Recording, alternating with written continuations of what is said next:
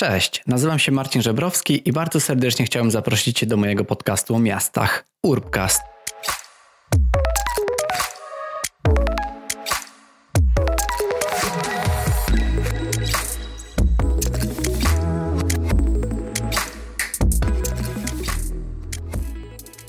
Cześć, witajcie w najnowszym odcinku Urbcastu. Dzisiaj będę rozmawiał z Magdaleną Bień i Bartoszem Piziakiem, którzy reprezentują Instytut Rozwoju Miast i Regionów i wspólnie zajmują się projektem Urban Lab. Urban Lab to takie pilotażowe narzędzie poprawy jakości życia mieszkańców miast, zgodne z ideą Smart City. Innymi słowami, Urban Lab w założeniu autorów tej koncepcji, która powstała właśnie w Instytucie Rozwoju Miast i Regionów, to taki instrument współpracy władz samorządowych z mieszkańcami, przedsiębiorcami oraz podmiotami naukowymi. No i właśnie, mającym na celu poprawę tej jakości życia mieszkańców poprzez różne innowacyjne rozwiązania. Tak tytułem wstępu, bo oczywiście też moi rozmówcy będą przedstawiać ten projekt jeszcze szerzej i głębiej, ale chciałem Wam po prostu nakreślić to, czym ten Urban Lab po prostu jest, zanim tą rozmowę zaczniemy. A, no i w rozmowie posługujemy się taką trochę spolszczoną wymową słowa urban e, i mówimy zamiast tego urban, ale mamy wszyscy świadomość tego, jak to się powinno po wymawiać poprawnie po angielsku. No ale jakoś tak na potrzeby tego odcinka, czy ogólnie po prostu często w Polsce myślę, że można powiedzieć urban. Urban, czyli miejski, w dużym skrócie. Dlatego mój podcast nazywa się Urbcast, bo to podcast o miastach. Proste. Zapraszam Was do rozmowy.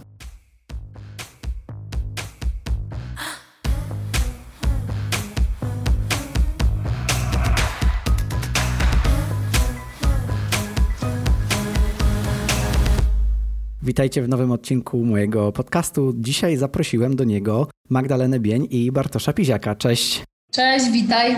Witam, cześć. Dzięki, że, że zgodziliście się na tą rozmowę.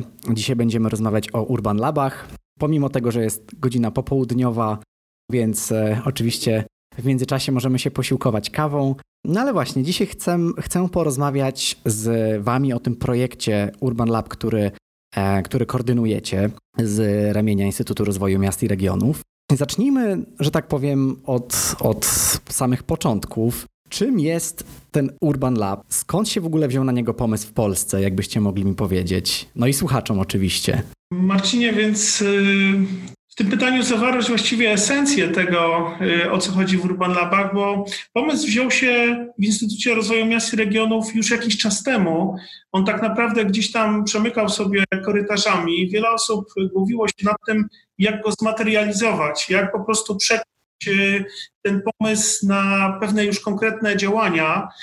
Pomysł wziął się stąd, że zauważyliśmy, zespołem e, naszym, którym tutaj pracujemy nad różnymi projektami, że w polskich miastach brakuje takiego instrumentu, takiego narzędzia wsparcia, e, przede wszystkim dla samorządów, e, które wykorzystywałoby potencjały różnych interesariuszy miejskich, czyli zaczynając od tych najważniejszych użytkowników przestrzeni miejskiej, czyli mieszkańców przede wszystkim, bo to też wiadomo, są turyści, są osoby przyjeżdżające, e, natomiast tymi głównymi są oczywiście mieszkańcy e, miasta, ale także przedstawicieli biznesu, przedstawicieli nauki, e, czyli zgodnie z koncepcją poczwórnej helisy tych tak, takich czterech potencjałów.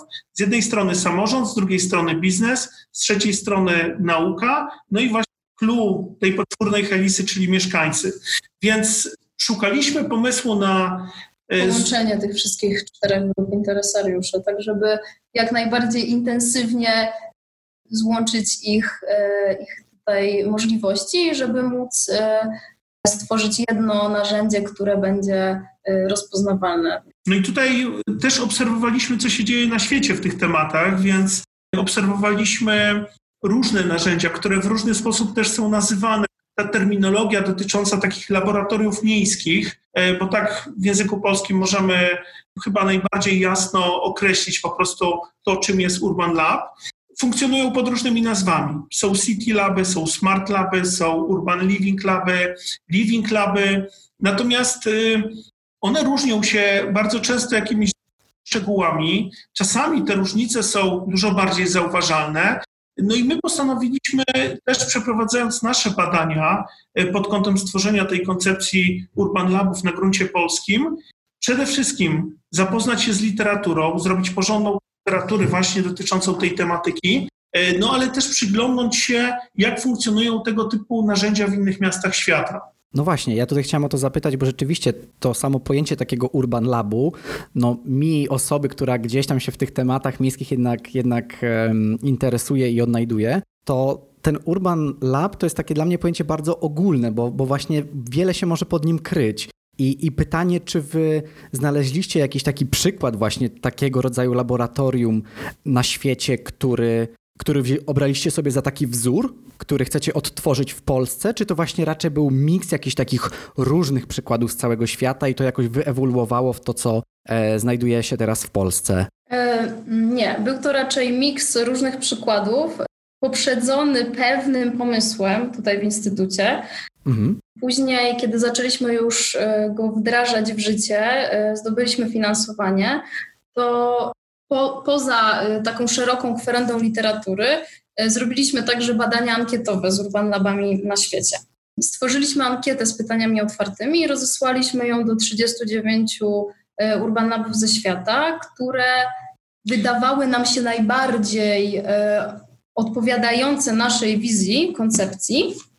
E, I tutaj jest ważną chyba rzeczą taką, ważne, żeby powiedzieć, że szukając tych urban labów, bardzo nam zależało na tym, żeby ich nazwie, albo przynajmniej w opisie ich działania, znajdowało się słowo urban. To znaczy, no tutaj już spolszczone tak naprawdę, urban, e, bo bardzo dużo e, na świecie jest living labów, city labów, ale urban labów albo urban living labów już trochę mniej. Dlatego też to był nasz taki wyznacznik jak, tego, jak wybieraliśmy. No i też tutaj bardzo istotne było to y, założenie właśnie, o którym wspomniałem wcześniej, że ta współpraca interesariuszy miejskich opiera się właśnie na zasadzie poczwórnej helisy, czyli mamy cztery grupy interesów, wpisaną współpracę pomiędzy nimi pod kątem wypracowywania różnych projektów, rozwiązań miejskich, które mają mhm. gdzieś w jakiś sposób podnosić jakość życia mieszkańców y, tego miasta. Więc te założenia jakby były dla nas najważniejsze. Y, no, tutaj jakby ta nasza kwerenda cała obejmowała grubo ponad setkę y, różnego rodzaju publikacji, mhm. artykułów, poradników dotyczących właśnie tematyki miejskiej, ściśle związanej właśnie z funkcjonowaniem tego typu narzędzi w różnych krajach świata. Więc analizowaliśmy to, też przyglądaliśmy się sytuacji w innych krajach e, na świecie, po to, żeby po prostu wypracować e, takie laboratorium miejskie, które naszym zdaniem najlepiej sprawdzi się po prostu w warunkach polskich. Okej, okay, czyli przejdźmy sobie tak płynnie właśnie już do tych warunków polskich, bo chciałem Was zapytać, jakie są właśnie cele konkretnie Waszego Urban Labu, Waszego projektu, jak on funkcjonuje, jakie są jego cele? Może od tego myślę warto byłoby zacząć. Mm, myślę, że warto tutaj zaznaczyć, że nasz projekt to nie jest tylko i wyłącznie wdrożenie, tylko też cała koncepcja. To znaczy, najpierw wyszliśmy od stworzenia koncepcji Urban Labów, później y, zaczęliśmy wdrożenie w dwóch pilot, pilotażowe wdrożenie w dwóch polskich miastach. I tutaj może przejść. Jakie są to miasta? Jakie są miasta? Y, Gdynia oraz Rzeszów, czyli mhm. i południe Polski. Także jest to projekt, który, y, w którym bardzo istotne jest to pilotażowe wdrożenie, ale my jakby tym wdrożeniem sprawdzamy, czy ten, ta koncepcja zadziała u nas w Polsce. Bo my też y, jakby cały czas ta koncepcja, którą stworzyliśmy i którą tak naprawdę y, zaakceptowało Ministerstwo Funduszy i Polityki Regionalnej, ponieważ my jako Instytut Rozwoju Miast i Regionów właśnie należymy pod pod to ministerstwo i współpracujemy mhm. bardzo blisko, realizując szereg różnych projektów. E, ministerstwo powiedziało: Dobra, podoba nam się ten projekt, e, zdecydujemy się na jego finansowanie i właśnie pilotażowe wdrożenie, po to, żeby przetestować, czy rzeczywiście to, co wymyśliliście na papierze, to, co przelaliście tutaj na papier, cała ta koncepcja, pomysł na to laboratorium miejskie, rzeczywiście w polskich miastach się sprawdzi. Więc przetestujmy w dwóch miastach sprawdźmy, a jeżeli rzeczywiście będzie to działać, ewentualnie jeżeli w międzyczasie dokonacie pewnych modyfikacji, bo wiadomo, nie zawsze musi coś zadziałać za pierwszym razem, czasami trzeba delikatne jakieś zmiany wprowadzić, po to, żeby funkcjonowało to jeszcze lepiej. Więc u nas ta koncepcja, można powiedzieć, że już jeszcze przez kilka miesięcy od momentu, kiedy e, Urban Laby w Gdyni i w Rzeszowie zostały uruchomione, w Gdyni miejsce w marcu 2019 roku, a w Rzeszowie w październiku ponieważ no, to też nie było takie proste zadanie dla samorządów, e, żeby taki Urban Lab z dnia na dzień po prostu zaadoptować. Tym bardziej, że oba miasta musiały się też wykazać, przygotowując koncepcję, to znaczy e, adaptację naszej koncepcji do wdrożenia w Gdyni i w Rzeszowie. Czyli oni już musieli się wcześniej zespołem przygotować, co chcą tego Urban Labu, mając pewne założenia teoretyczne, które my przygotowaliśmy ze swojej strony, a oni już musieli je przenieść na grunt po prostu konkretnego miasta, konkretnego ośrodka, y, też dokonując pewnej diagnozy potrzeb, diagnozy problemów, które w danym mieście występują i które to problemy dany Urban Lab być może będzie mógł rozwiązać. Tak jak już Bartek wspomniał, e, właśnie bardzo istotna jest tutaj ta diagnoza potrzeb i problemów, ale clue y, tej koncepcji y, jest takie, że Urban Lab ma czynnie, czynnie mm, angażować użytkowników miasta w zmiany w tym mieście. To znaczy chodzi o to, żeby otwierać pozytywne zmiany. Pozytywne zmiany. Mhm. Tak, to znaczy chodzi o to, żeby wspierać ten rozwój lokalny, ale też właśnie współtworzenie w mieście przez mieszkańców, Współzarządzanie. Współzarządzanie przez, z mieszkańcami, tak żeby oni czuli, że mogą e, zrobić coś więcej, że mają wpływ na decyzje, które są w tym mieście podejmowane. Mhm. Chciałem Was jeszcze zapytać, bo podsumowując to wszystko, co powiedzieliście, czyli mieszkańcy dwóch miast, Gdyni i Rzeszowa, leżących po przeciwległych krańcach Polski, dostały taki pewien instrument współpracy władz, miejsk e, władz miejskich z mieszkańcami, przedsiębiorcami, z podmiotami naukowymi. No i celem jest poprawa tej jakości mm, miejskiego życia, prawda? I chciałem Was zapytać, jaka jest Wasza rola w tym całym procesie? No więc jeśli chodzi o Instytut Rozwoju Miast i Regionów, e, my tutaj występujemy jako, jako twórcy tej koncepcji. Więc y, z naszej strony miasta otrzymują wsparcie merytoryczne. Mhm. Pełnimy taką rolę doradczą jako instytut. Więc y, z jednej strony instytucją finansującą, można powiedzieć, poza oczywiście oboma miastami, które też y, angażują się budżetowo w ten projekt, jest oczywiście Ministerstwo Funduszy i Polityki Regionalnej.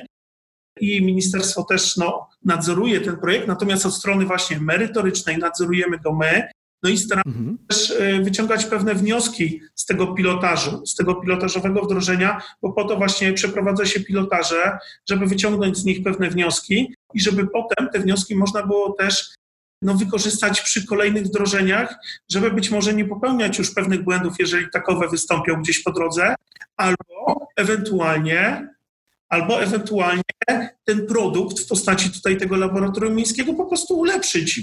Y, I tutaj też zwracamy uwagę na jedną kwestię, bo oczywiście y, przyglądając się temu projektowi, jego funkcjonowaniu, zaangażowaniu różnych interesariuszy miejskich, i zakresów działania Urban Labu można odnieść wrażenie, że no jest to ogromny projekt i na przykład y, włodarze jakiegoś miasta 40-50 tysięcznego zaczynają się zastanawiać, no dobrze, ale jak my to możemy u nas wdrożyć i co z tym mhm. robić. Więc od razu tutaj uczulamy, OK, nasza koncepcja jest bardzo rozbudowana, ale mniejsze miasta mogą skalować tutaj ten projekt. Spokojnie mogą e, laboratorium miejskie dostosowywać do własnych potrzeb i tak jak my e, w tej naszej koncepcji wydzieliliśmy pięć takich głównych zakresów funkcjonowania Urban Labu, to w mniejszych miastach spokojnie można ograniczyć się na przykład do dwóch, trzech, w zależności jakie miasto ma potrzeby. Jeżeli my o tych pięciu zakresach działalności, którymi są otwarte dane, czyli otwieramy dane publiczne, dane miejskie, y, którymi samorządy dysponują, po to, żeby wykorzystywać je w różnego rodzaju projektach, y, rozwiązaniach, hackatonach. Tworzymy inkubator innowacji. No to myślę, że tutaj dłuższego komentarza nie potrzeba. Chodzi oczywiście o mhm. innowacje, zarówno te technologiczne, jak i innowacje społeczne. I to jest trzeci i czwarty jakby zakres działalności, czyli właśnie tworzenie tych innowacji technologicznych w mieście i innowacji społecznych, mhm. służących przede wszystkim mieszkańcom w codziennym życiu.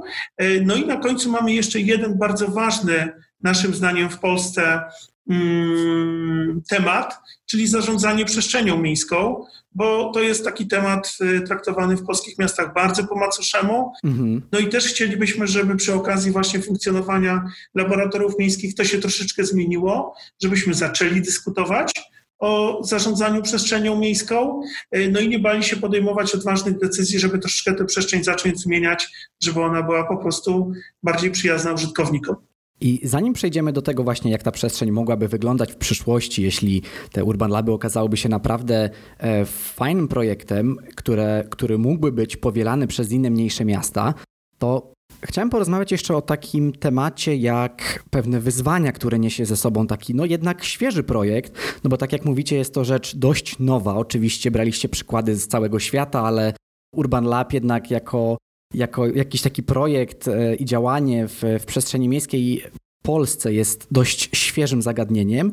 Chciałem Was się zapytać właśnie o te wyzwania płynące z tego, ale także z ram czasowych projektu, bo jeśli dobrze przeczytałem, to ten projekt pilotażowy trwa 3 lata i jakie to niesie ze sobą wyzwania? Jeśli chodzi o wyzwania przy wdrażaniu tych laboratoriów mhm. w polskich miastach, to przede wszystkim wyzwaniem na pewno, my już to widzimy po tych pilotażach w Dyni i w Rzeszowie, jest nawiązanie mocniejszej współpracy pomiędzy poszczególnymi jednostkami Urzędu Miasta. To jest mhm. też kwestia przekonania urzędników, że to nie jest tylko kolejny twór, tylko to jest pewne narzędzie, które ma także im służyć i przyczyniać się do tego, że po prostu Urząd Miasta będzie funkcjonował sprawniej, będzie funkcjonował bardziej efektywnie. Ich praca przez to też będzie e, bardziej doceniana przez mieszkańców w momencie, w którym na przykład w takim laboratorium miejskim oni będą się dzielić wynikami swojej pracy. Więc tutaj dla wielu wydziałów, dla wielu jednostek po prostu urzędów miast jest pole do popisu, żeby zaangażować się po prostu w funkcjonowanie takiego labu, a kolejnymi krokami jest nawiązywanie współpracy pomiędzy tymi innymi interesariuszami, czyli zarówno przedsiębiorcami, tymi mniejszymi, którzy funkcjonują gdzieś tam w skali lokalnej, ale też y, dużymi korporacjami, które mają swoje sieci mhm. w miastach i bardzo często na przykład y, dysponują budżetami, które mogą być wykorzystane pod kątem innowacji miejskich. Y, I tutaj my sobie stawiamy też jako jedno z takich najważniejszych wyzwań, żeby w Urban Labie powstawały innowacje. Oczywiście niech to będą rozwiązania technologiczne czy społeczne, ale nawet niech to będą rozwiązania w skali mikro. Mhm. Grunt, żeby dawały poczucie satysfakcji osobom, które je wymyślają, y, no i też dawały po prostu, y, przyczyniały się po prostu do przyjemniejszego, łatwiejszego, po prostu lepszego życia y, mieszkańców danego miasta. Tak, myślę, że no, rzeczą tutaj jest przekonanie tak naprawdę tych wszystkich grup interesariuszy, że warto działać w takim Urban Labie, że warto włączać się do, do jego y, świata, bo to jest bardzo duża wartość dodana dla każdej z tych grup interesariuszy. I największy, teraz jak obserwujemy już ten e, pewien okres wdrożenia w Gdyni i w Rzeszowie, to widzimy jak bardzo zmienia w tych miastach. To znaczy, mm, tutaj chyba szczególnie w Rzeszowie, ta, ta grupa reprezentująca y, sektor publiczny y, z dnia na dzień y, po prostu zaczyna zauważać, jak, jak to jest ważne, ile to daje tak naprawdę nawet samemu urzędowi, że oni zaczynają mhm. pracować. Ewoluuje po prostu, więc mhm. tutaj zdecydowanie widać, ale zarówno i w Rzeszowie, i w Gdyni, jak Urban Lab staje się przestrzenią współpracy przychodzą na spotkania, na debaty, na wykłady. Oczywiście teraz mówimy o tych trudniejszych czasach, czyli e, pandemii koronawirusa, kiedy większość spotkań i aktywności mm, no tak.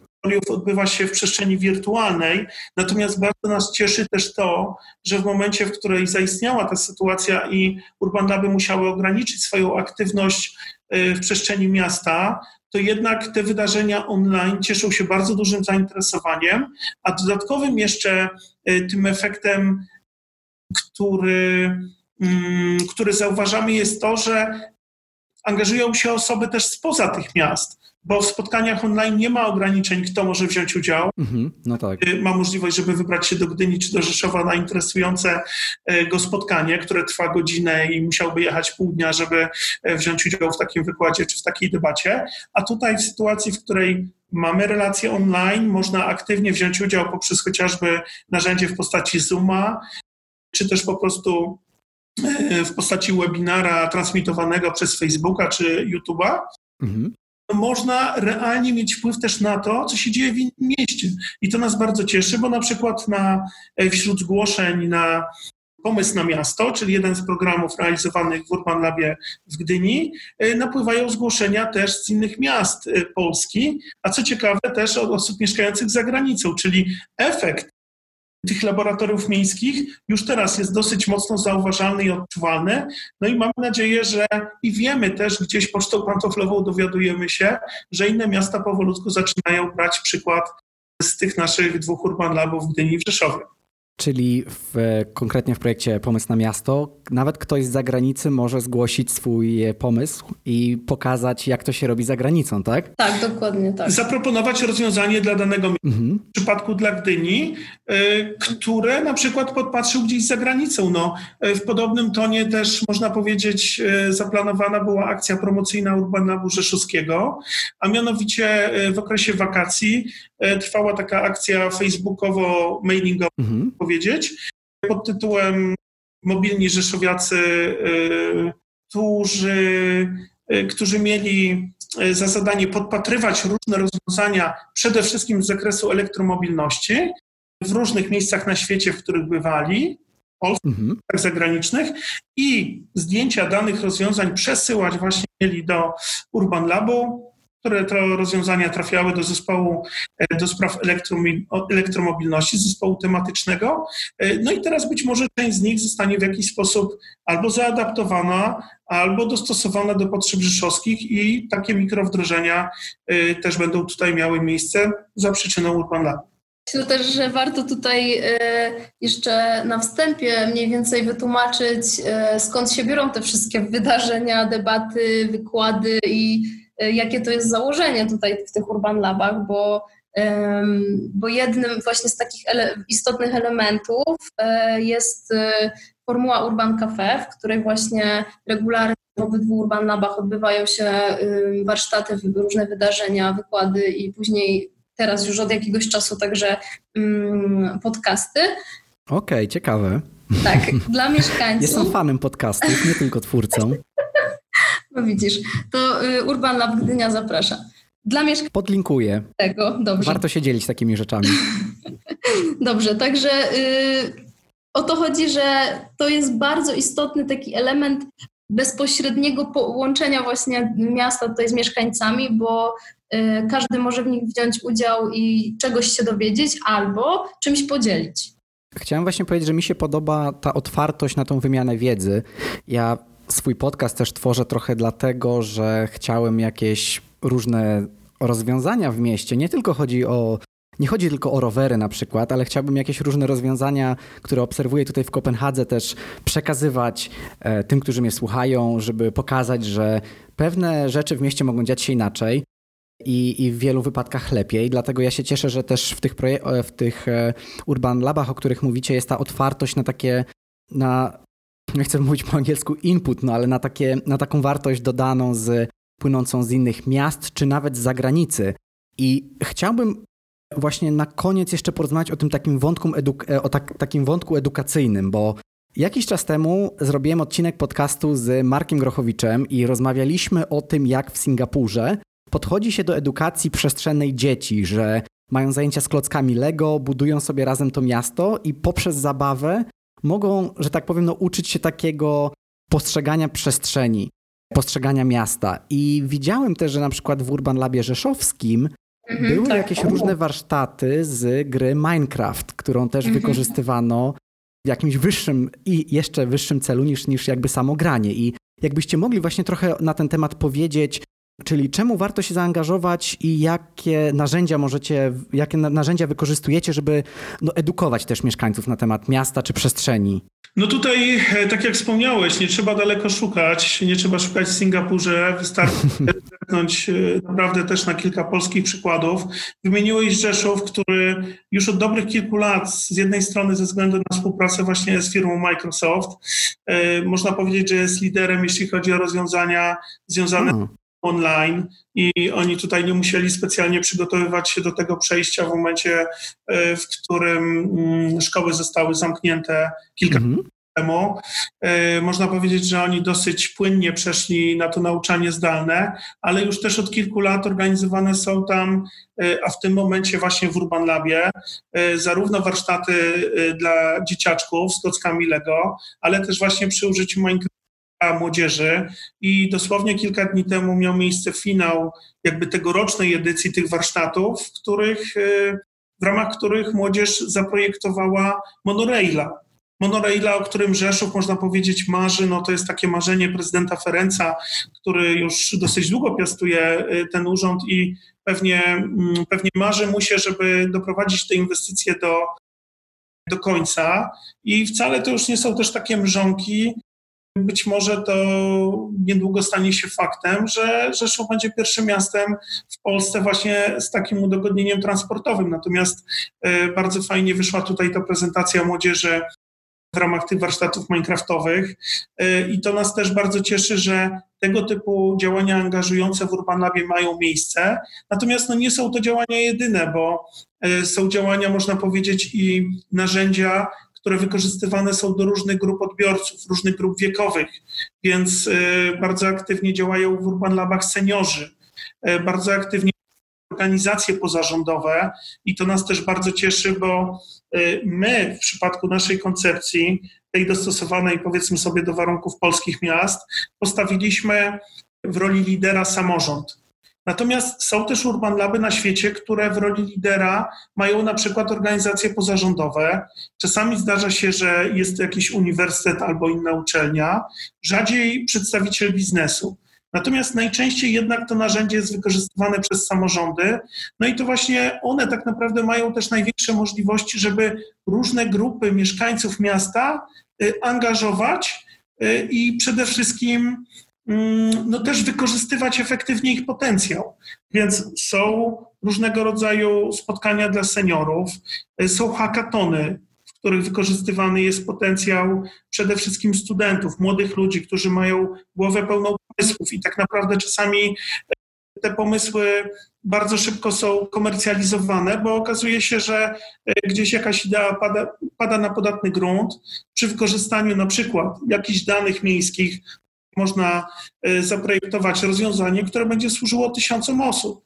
I co więcej, mamy nadzieję, że te projekty czy te rozwiązania, które będą e, w tym momencie wypracowywane w Gdyni czy w Rzeszowie, będą też replikowalne i skalowalne, czyli będą mogły być jako już gotowe rozwiązania adaptowane po prostu przez inne polskie miasta. Taki jest też jeden z głównych celów i założenie naszego projektu. Ja tylko tutaj jeszcze dopowiem, e, bo wspomniałeś właśnie o tym projekcie, o, o hackatonach. Chciałem tylko też wyjaśnić tym, którzy nie wiedzą, że hackaton to jest takie wydarzenie często 24-godzinne, czy na przykład weekendowe, Nawet gdzie dłuższe. studenci, albo trochę dłuższe, gdzie studenci są pod, postawieni przed pewnym wyzwaniem, jeśli chodzi na przykład o ekologię, czy o rozwój miast, czy, czy różne inne i po prostu muszą w grupach nad tym, nad tym zadaniem przez te 24 czy 48 godzin pracować, ale często jest tak, że z tego wywodzą się naprawdę świetne pomysły.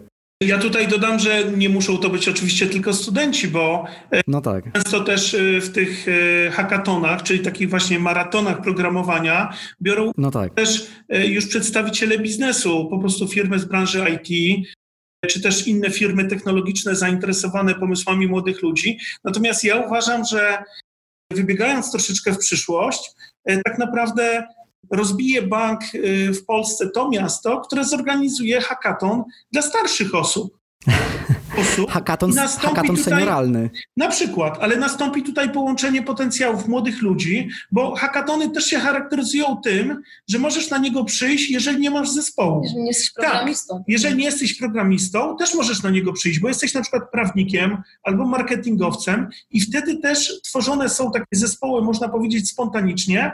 No i ja miałem okazję być gdzieś jurorem na jednym z takich hakatonów, który y, wygrała y, ekipa stworzona spontanicznie tuż przed samym hackatonem. Po prostu z osób, które przyszły, nie miały swojego zespołu i łącząc y, te ich y, no, potencjały z zupełnie innych, można powiedzieć, bajek, okazało się, że są bezkonkurencyjni. Także moim zdaniem tutaj połączenie takiej młodości z doświadczeniem y, może naprawdę przynieść bardzo ciekawy skutek. Także trzymam kciuki za miasto, które właśnie zorganizuje hackathon y, przy udziale, y, ja bym nie mówił seniorów, po prostu y, starszych absolwentów.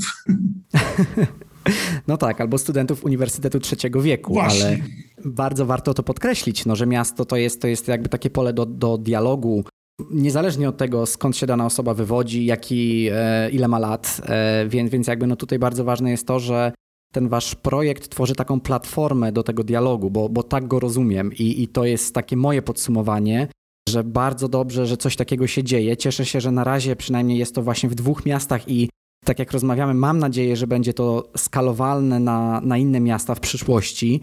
Natomiast jakbyście wy jeszcze mogli tak króciutko swoimi słowami właśnie podsumować e, ten, e, ten Urban Lab, żeby tak tą naszą rozmowę zebrać, że tak powiem, w jedną taką całość. Może tak z perspektywy właśnie takiej waszej bardziej personalnej, co, co wam w ogóle daje praca w, w Urban Labie, bo podejrzewam, że też kursujecie czasem między Gdynią a Rzeszowem. Czy, czy jak to wygląda? Czy pandemia Kursowaliśmy zmieniła? przed pandemią. No tak. Tak, teraz e, kursujemy bardziej online i regularnie spotykamy się też właśnie na takich spotkaniach, e, tak jak tutaj teraz z Tobą mamy okazję.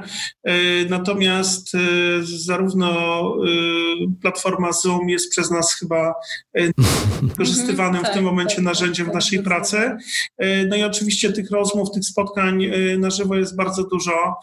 I Tutaj odpowiedź taka jednoznaczna na Twoje pytanie, co nam daje praca przy tym projekcie, e, no, trwałaby pewnie kilkanaście minut, bo jest naprawdę dawka energii naprawdę różnych osób zaangażowanych w, ten projekt, zarówno zespołu Urban Labu Gdynia, jak i zespołu e, Urban Labu Rzeszowskiego, ale też osób gdzieś, które już angażują się po prostu i są regularnymi, można powiedzieć, e, uczestnikami tych działań aktywistów, którzy sami zobaczyli w Urban Labie y, możliwość po prostu realizacji dodatkowo celów, które mogą się przysłużyć po prostu innym osobom. Więc y, tutaj naprawdę ta pozytywna energia wynikająca z tej współpracy, nietuzinkowe rozwiązania, jakie są proponowane, to powoduje, że tutaj naprawdę zastanawiamy się, co kolejnego ktoś gdzieś myśli. No i tak naprawdę też trzymamy kciuki i staramy się podpowiadać na tyle, na ile dysponujemy mhm. Y, y, wiedzą, co można jeszcze fajnego zrobić, wymyśleć? Staramy się pod, y, podrzucać przykłady z zagranicznych ośrodków. Współpracujemy też z Urban Labami z Austrii, które bardzo, okay. bardzo prężnie też działają i ciekawe rozwiązania są tam e, realizowane, więc e, mamy kontakty z laboratoriami z całego świata. My się inspirujemy, staramy się inspirować e, nasze miasta. E, no i tak jak wspomniałem wcześniej, widzimy już tego efekty, bo zarówno pojawiają się miasta, które do nas jako do Instytutu odzywają się e, pod kątem właśnie jakiegoś takiego wsparcia merytorycznego, czy chcąc wymienić się doświadczeniami, ale też no, wiemy, że w kilku polskich miastach powolutku taki zaczyn, pierwszy krok został mhm. i wkrótce do tych dwóch urban labów dołączą kolejne. No i my się bardzo, bardzo z tego powodu cieszymy, bo to też będzie y, kolejna przestrzeń do współpracy pomiędzy miastami już bezpośrednio w ramach tych laboratoriów. Miejmy taką nadzieję, a ty Magda jakbyś krótko podsumowała. Myślę też, ja myślę też, mi nie wiem czy Bartkowi też, myślę, że też, ale mi bardzo dużo y, takiej satysfakcji daje też y, obserwowanie tego, jak y, różnymi drogami idą te dwa miasta tak naprawdę i mhm. wynika wiadomo z tego, jakie warunki w tych miastach były przed y, i jakie są teraz y, podczas wdrożenia, ale obserwowanie tego, na czym bardziej y, skupia się Gdynia, na czym bardziej skupia się Rzeszów, jak mieszkańcy reagują też na, na ten instrument i w jaki sposób się angażują w jego działanie, to jest bardzo inspirujące. I myślę, że naprawdę warto się y, angażować tutaj w działania Urban Labów. Tutaj mam na myśli o Urban Labach konkretnie w Gdyni w Rzeszowie. Jeśli tylko y, komuś zależy na, ty, na tym, żeby mieć wpływ y, na rozwój swojego miasta, to jest to idealne miejsce. A oczywiście, jeżeli nie mieszkamy w Gdyni albo w Rzeszowie, no to czasami może warto zastanowić się, czy w moim mieście nie ma właśnie też takiej przestrzeni, nie wartałoby zainteresować kogoś do tego, żeby taką platformę współpracy różnych mieszkańców, różnych interesariuszy miejskich stworzyć. Bo tak jak wspomnieliśmy, laboratorium miejskie w naszym wydaniu jest projektem e, skalowalnym, więc wcale nie trzeba być Warszawą, żeby urban mhm. stworzyć. Uważamy, że mniejszymi siłami, w mniejszym zespole też jak najbardziej jest to do zrobienia. A powiedzcie mi jeszcze, gdzie można śledzić w ogóle właśnie wasze działania? Na Facebooku. Mhm. Znaczy tak, mamy już Facebook y, Urban Lab.net, y, na którego zapraszamy. Za y, Gdynia, zarówno Urban Lab Gdynia, jak i Urban Lab Rzeszów mają też swoje Facebooki. Gdynia Urban Lab Rzeszów Urban Lab. I w niedługim czasie, myślimy, że tak maksymalnie do trzech tygodni, pojawi się już nasz portal urbanlab.net, na który także zapraszamy, ponieważ on już w planach mamy tam nieco rozbudowane treści, mamy plan już publikować tam bardziej rozbudowane treści, aktualności, publikacje, dobre praktyki z Polski i ze świata. Także też chcielibyśmy tą wiedzą się tutaj bardziej dzielić, taką międzynarodową, po to, żeby inspirować innych w Polsce do, do stworzenia czegoś podobnego. Okej. Okay. No i też w naszym serwisie znajdzie się kalendarz z wydarzeniami, które odbywać się będą zarówno w Gdyni, jak i w Rzeszowie. No a docelowo mamy nadzieję, że też dołączą do nas inne miasta, e, które będą podobne inicjatywy realizować. Aha, i oczywiście Urban Lab Gdynia i Urban Lab Rzeszów mają także swoje strony internetowe. Także zapraszamy na, na Facebooka Urban Labów, a także na, na stronę, która, która, która niebawem e, będzie już dostępna. Oczywiście klasycznie podlinkuję to w opisie odcinka, a na sam koniec już chciałbym króciutko Was zapytać tylko o jakąś jedną książkę, czy jakieś badanie, czy może źródło informacji, którym chcielibyście się podzielić ze słuchaczami. Nie musi być to dotyczące Urban Labu konkretnie, ale może. Wiesz co, ja to jestem ja... na bieżąco y, z naszą publikacją, która lada mhm. Dokładnie, y, tak. ujrzy, ujrzy, ujrzy światło dzienne, już gdzieś jest między, między naszym instytutem a drukarnią, można powiedzieć. Mhm. A mianowicie będzie to taki poradnik, podręcznik y, jak zorganizować sobie Urban Lab w swoim mieście, e, no i w ogóle o co chodzi w tych laboratoriach miejskich, więc e, opisujemy tam bardzo przystępnym językiem, można powiedzieć, całą naszą koncepcję, o co chodzi we współpracy tych czterech grup interesariuszy, o co chodzi, jeśli mówimy o tych działaniach Urban Labu w tych pięciu zakresach, też jak cały taki proces, można powiedzieć, powinien przebiegać w Urban Labie. E, oczywiście no, nie zawsze to musi być modelowy sposób, ale mm, staramy się to przedstawić jak najbardziej przystępny sposób, y, aby finalnie doprowadzić do wypracowania po prostu dobrych praktyk w miejskiej przestrzeni. I też, żeby stworzyć właśnie taką bazę, y, którą można się wesprzeć przy tworzeniu takiego instrumentu. Czyli mamy bazę, mamy wizję i sobie teraz możemy na tym już tworzyć własną, dostosowaną do naszych warunków. E, a jeśli chodzi o książkę, to zdecydowanie polecam tą, która wyjdzie niebawem, o której mówił Bartek. Ale poza tym czytam właśnie teraz Księgę Zachwytów y, Springera, ponieważ spodobało mi się to, że przedstawia on tam w końcu jakieś pozytywne przykłady lektury w Polsce. Nie tylko, ale głównie po 1945 roku. No i to jest dla mnie taki, chyba taki, um, taka pozycja, która nie jest stricte y, naukowa, miejska, y, ciężka, y, tylko taka przyjemna na popołudnie, także polecam. Cieszę się, że kolejny odcinek podcastu kończymy optymistycznie. Oczywiście bardzo, bardzo polecam Księgę Zachwytów, ale przede wszystkim czekamy też na Waszą publikację, dlatego jeżeli ktoś E, kto nas teraz słucha, zainteresował się tematem Urban Labów e, na tyle, że chciałby się dowiedzieć czegoś więcej, to też jak już się ukaże, dodam link w opisie, aby, aby, aby te osoby mogły na tą publikację trafić.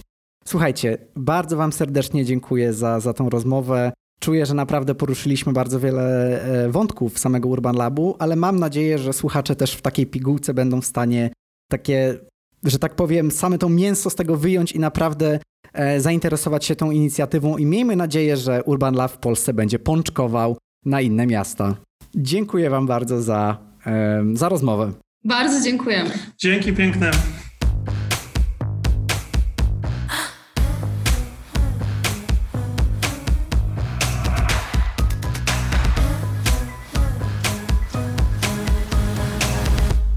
Dzięki za wysłuchanie kolejnego odcinka podcastu. Mam nadzieję, że Wam się podobało. No i mam nadzieję, że wiecie, czym jest koncepcja zwana Urban Labem. Jeżeli chcielibyście dowiedzieć się czegoś więcej, oczywiście, tak jak zawsze, w opisie odcinka dodaję linki i do usłyszenia niebawem.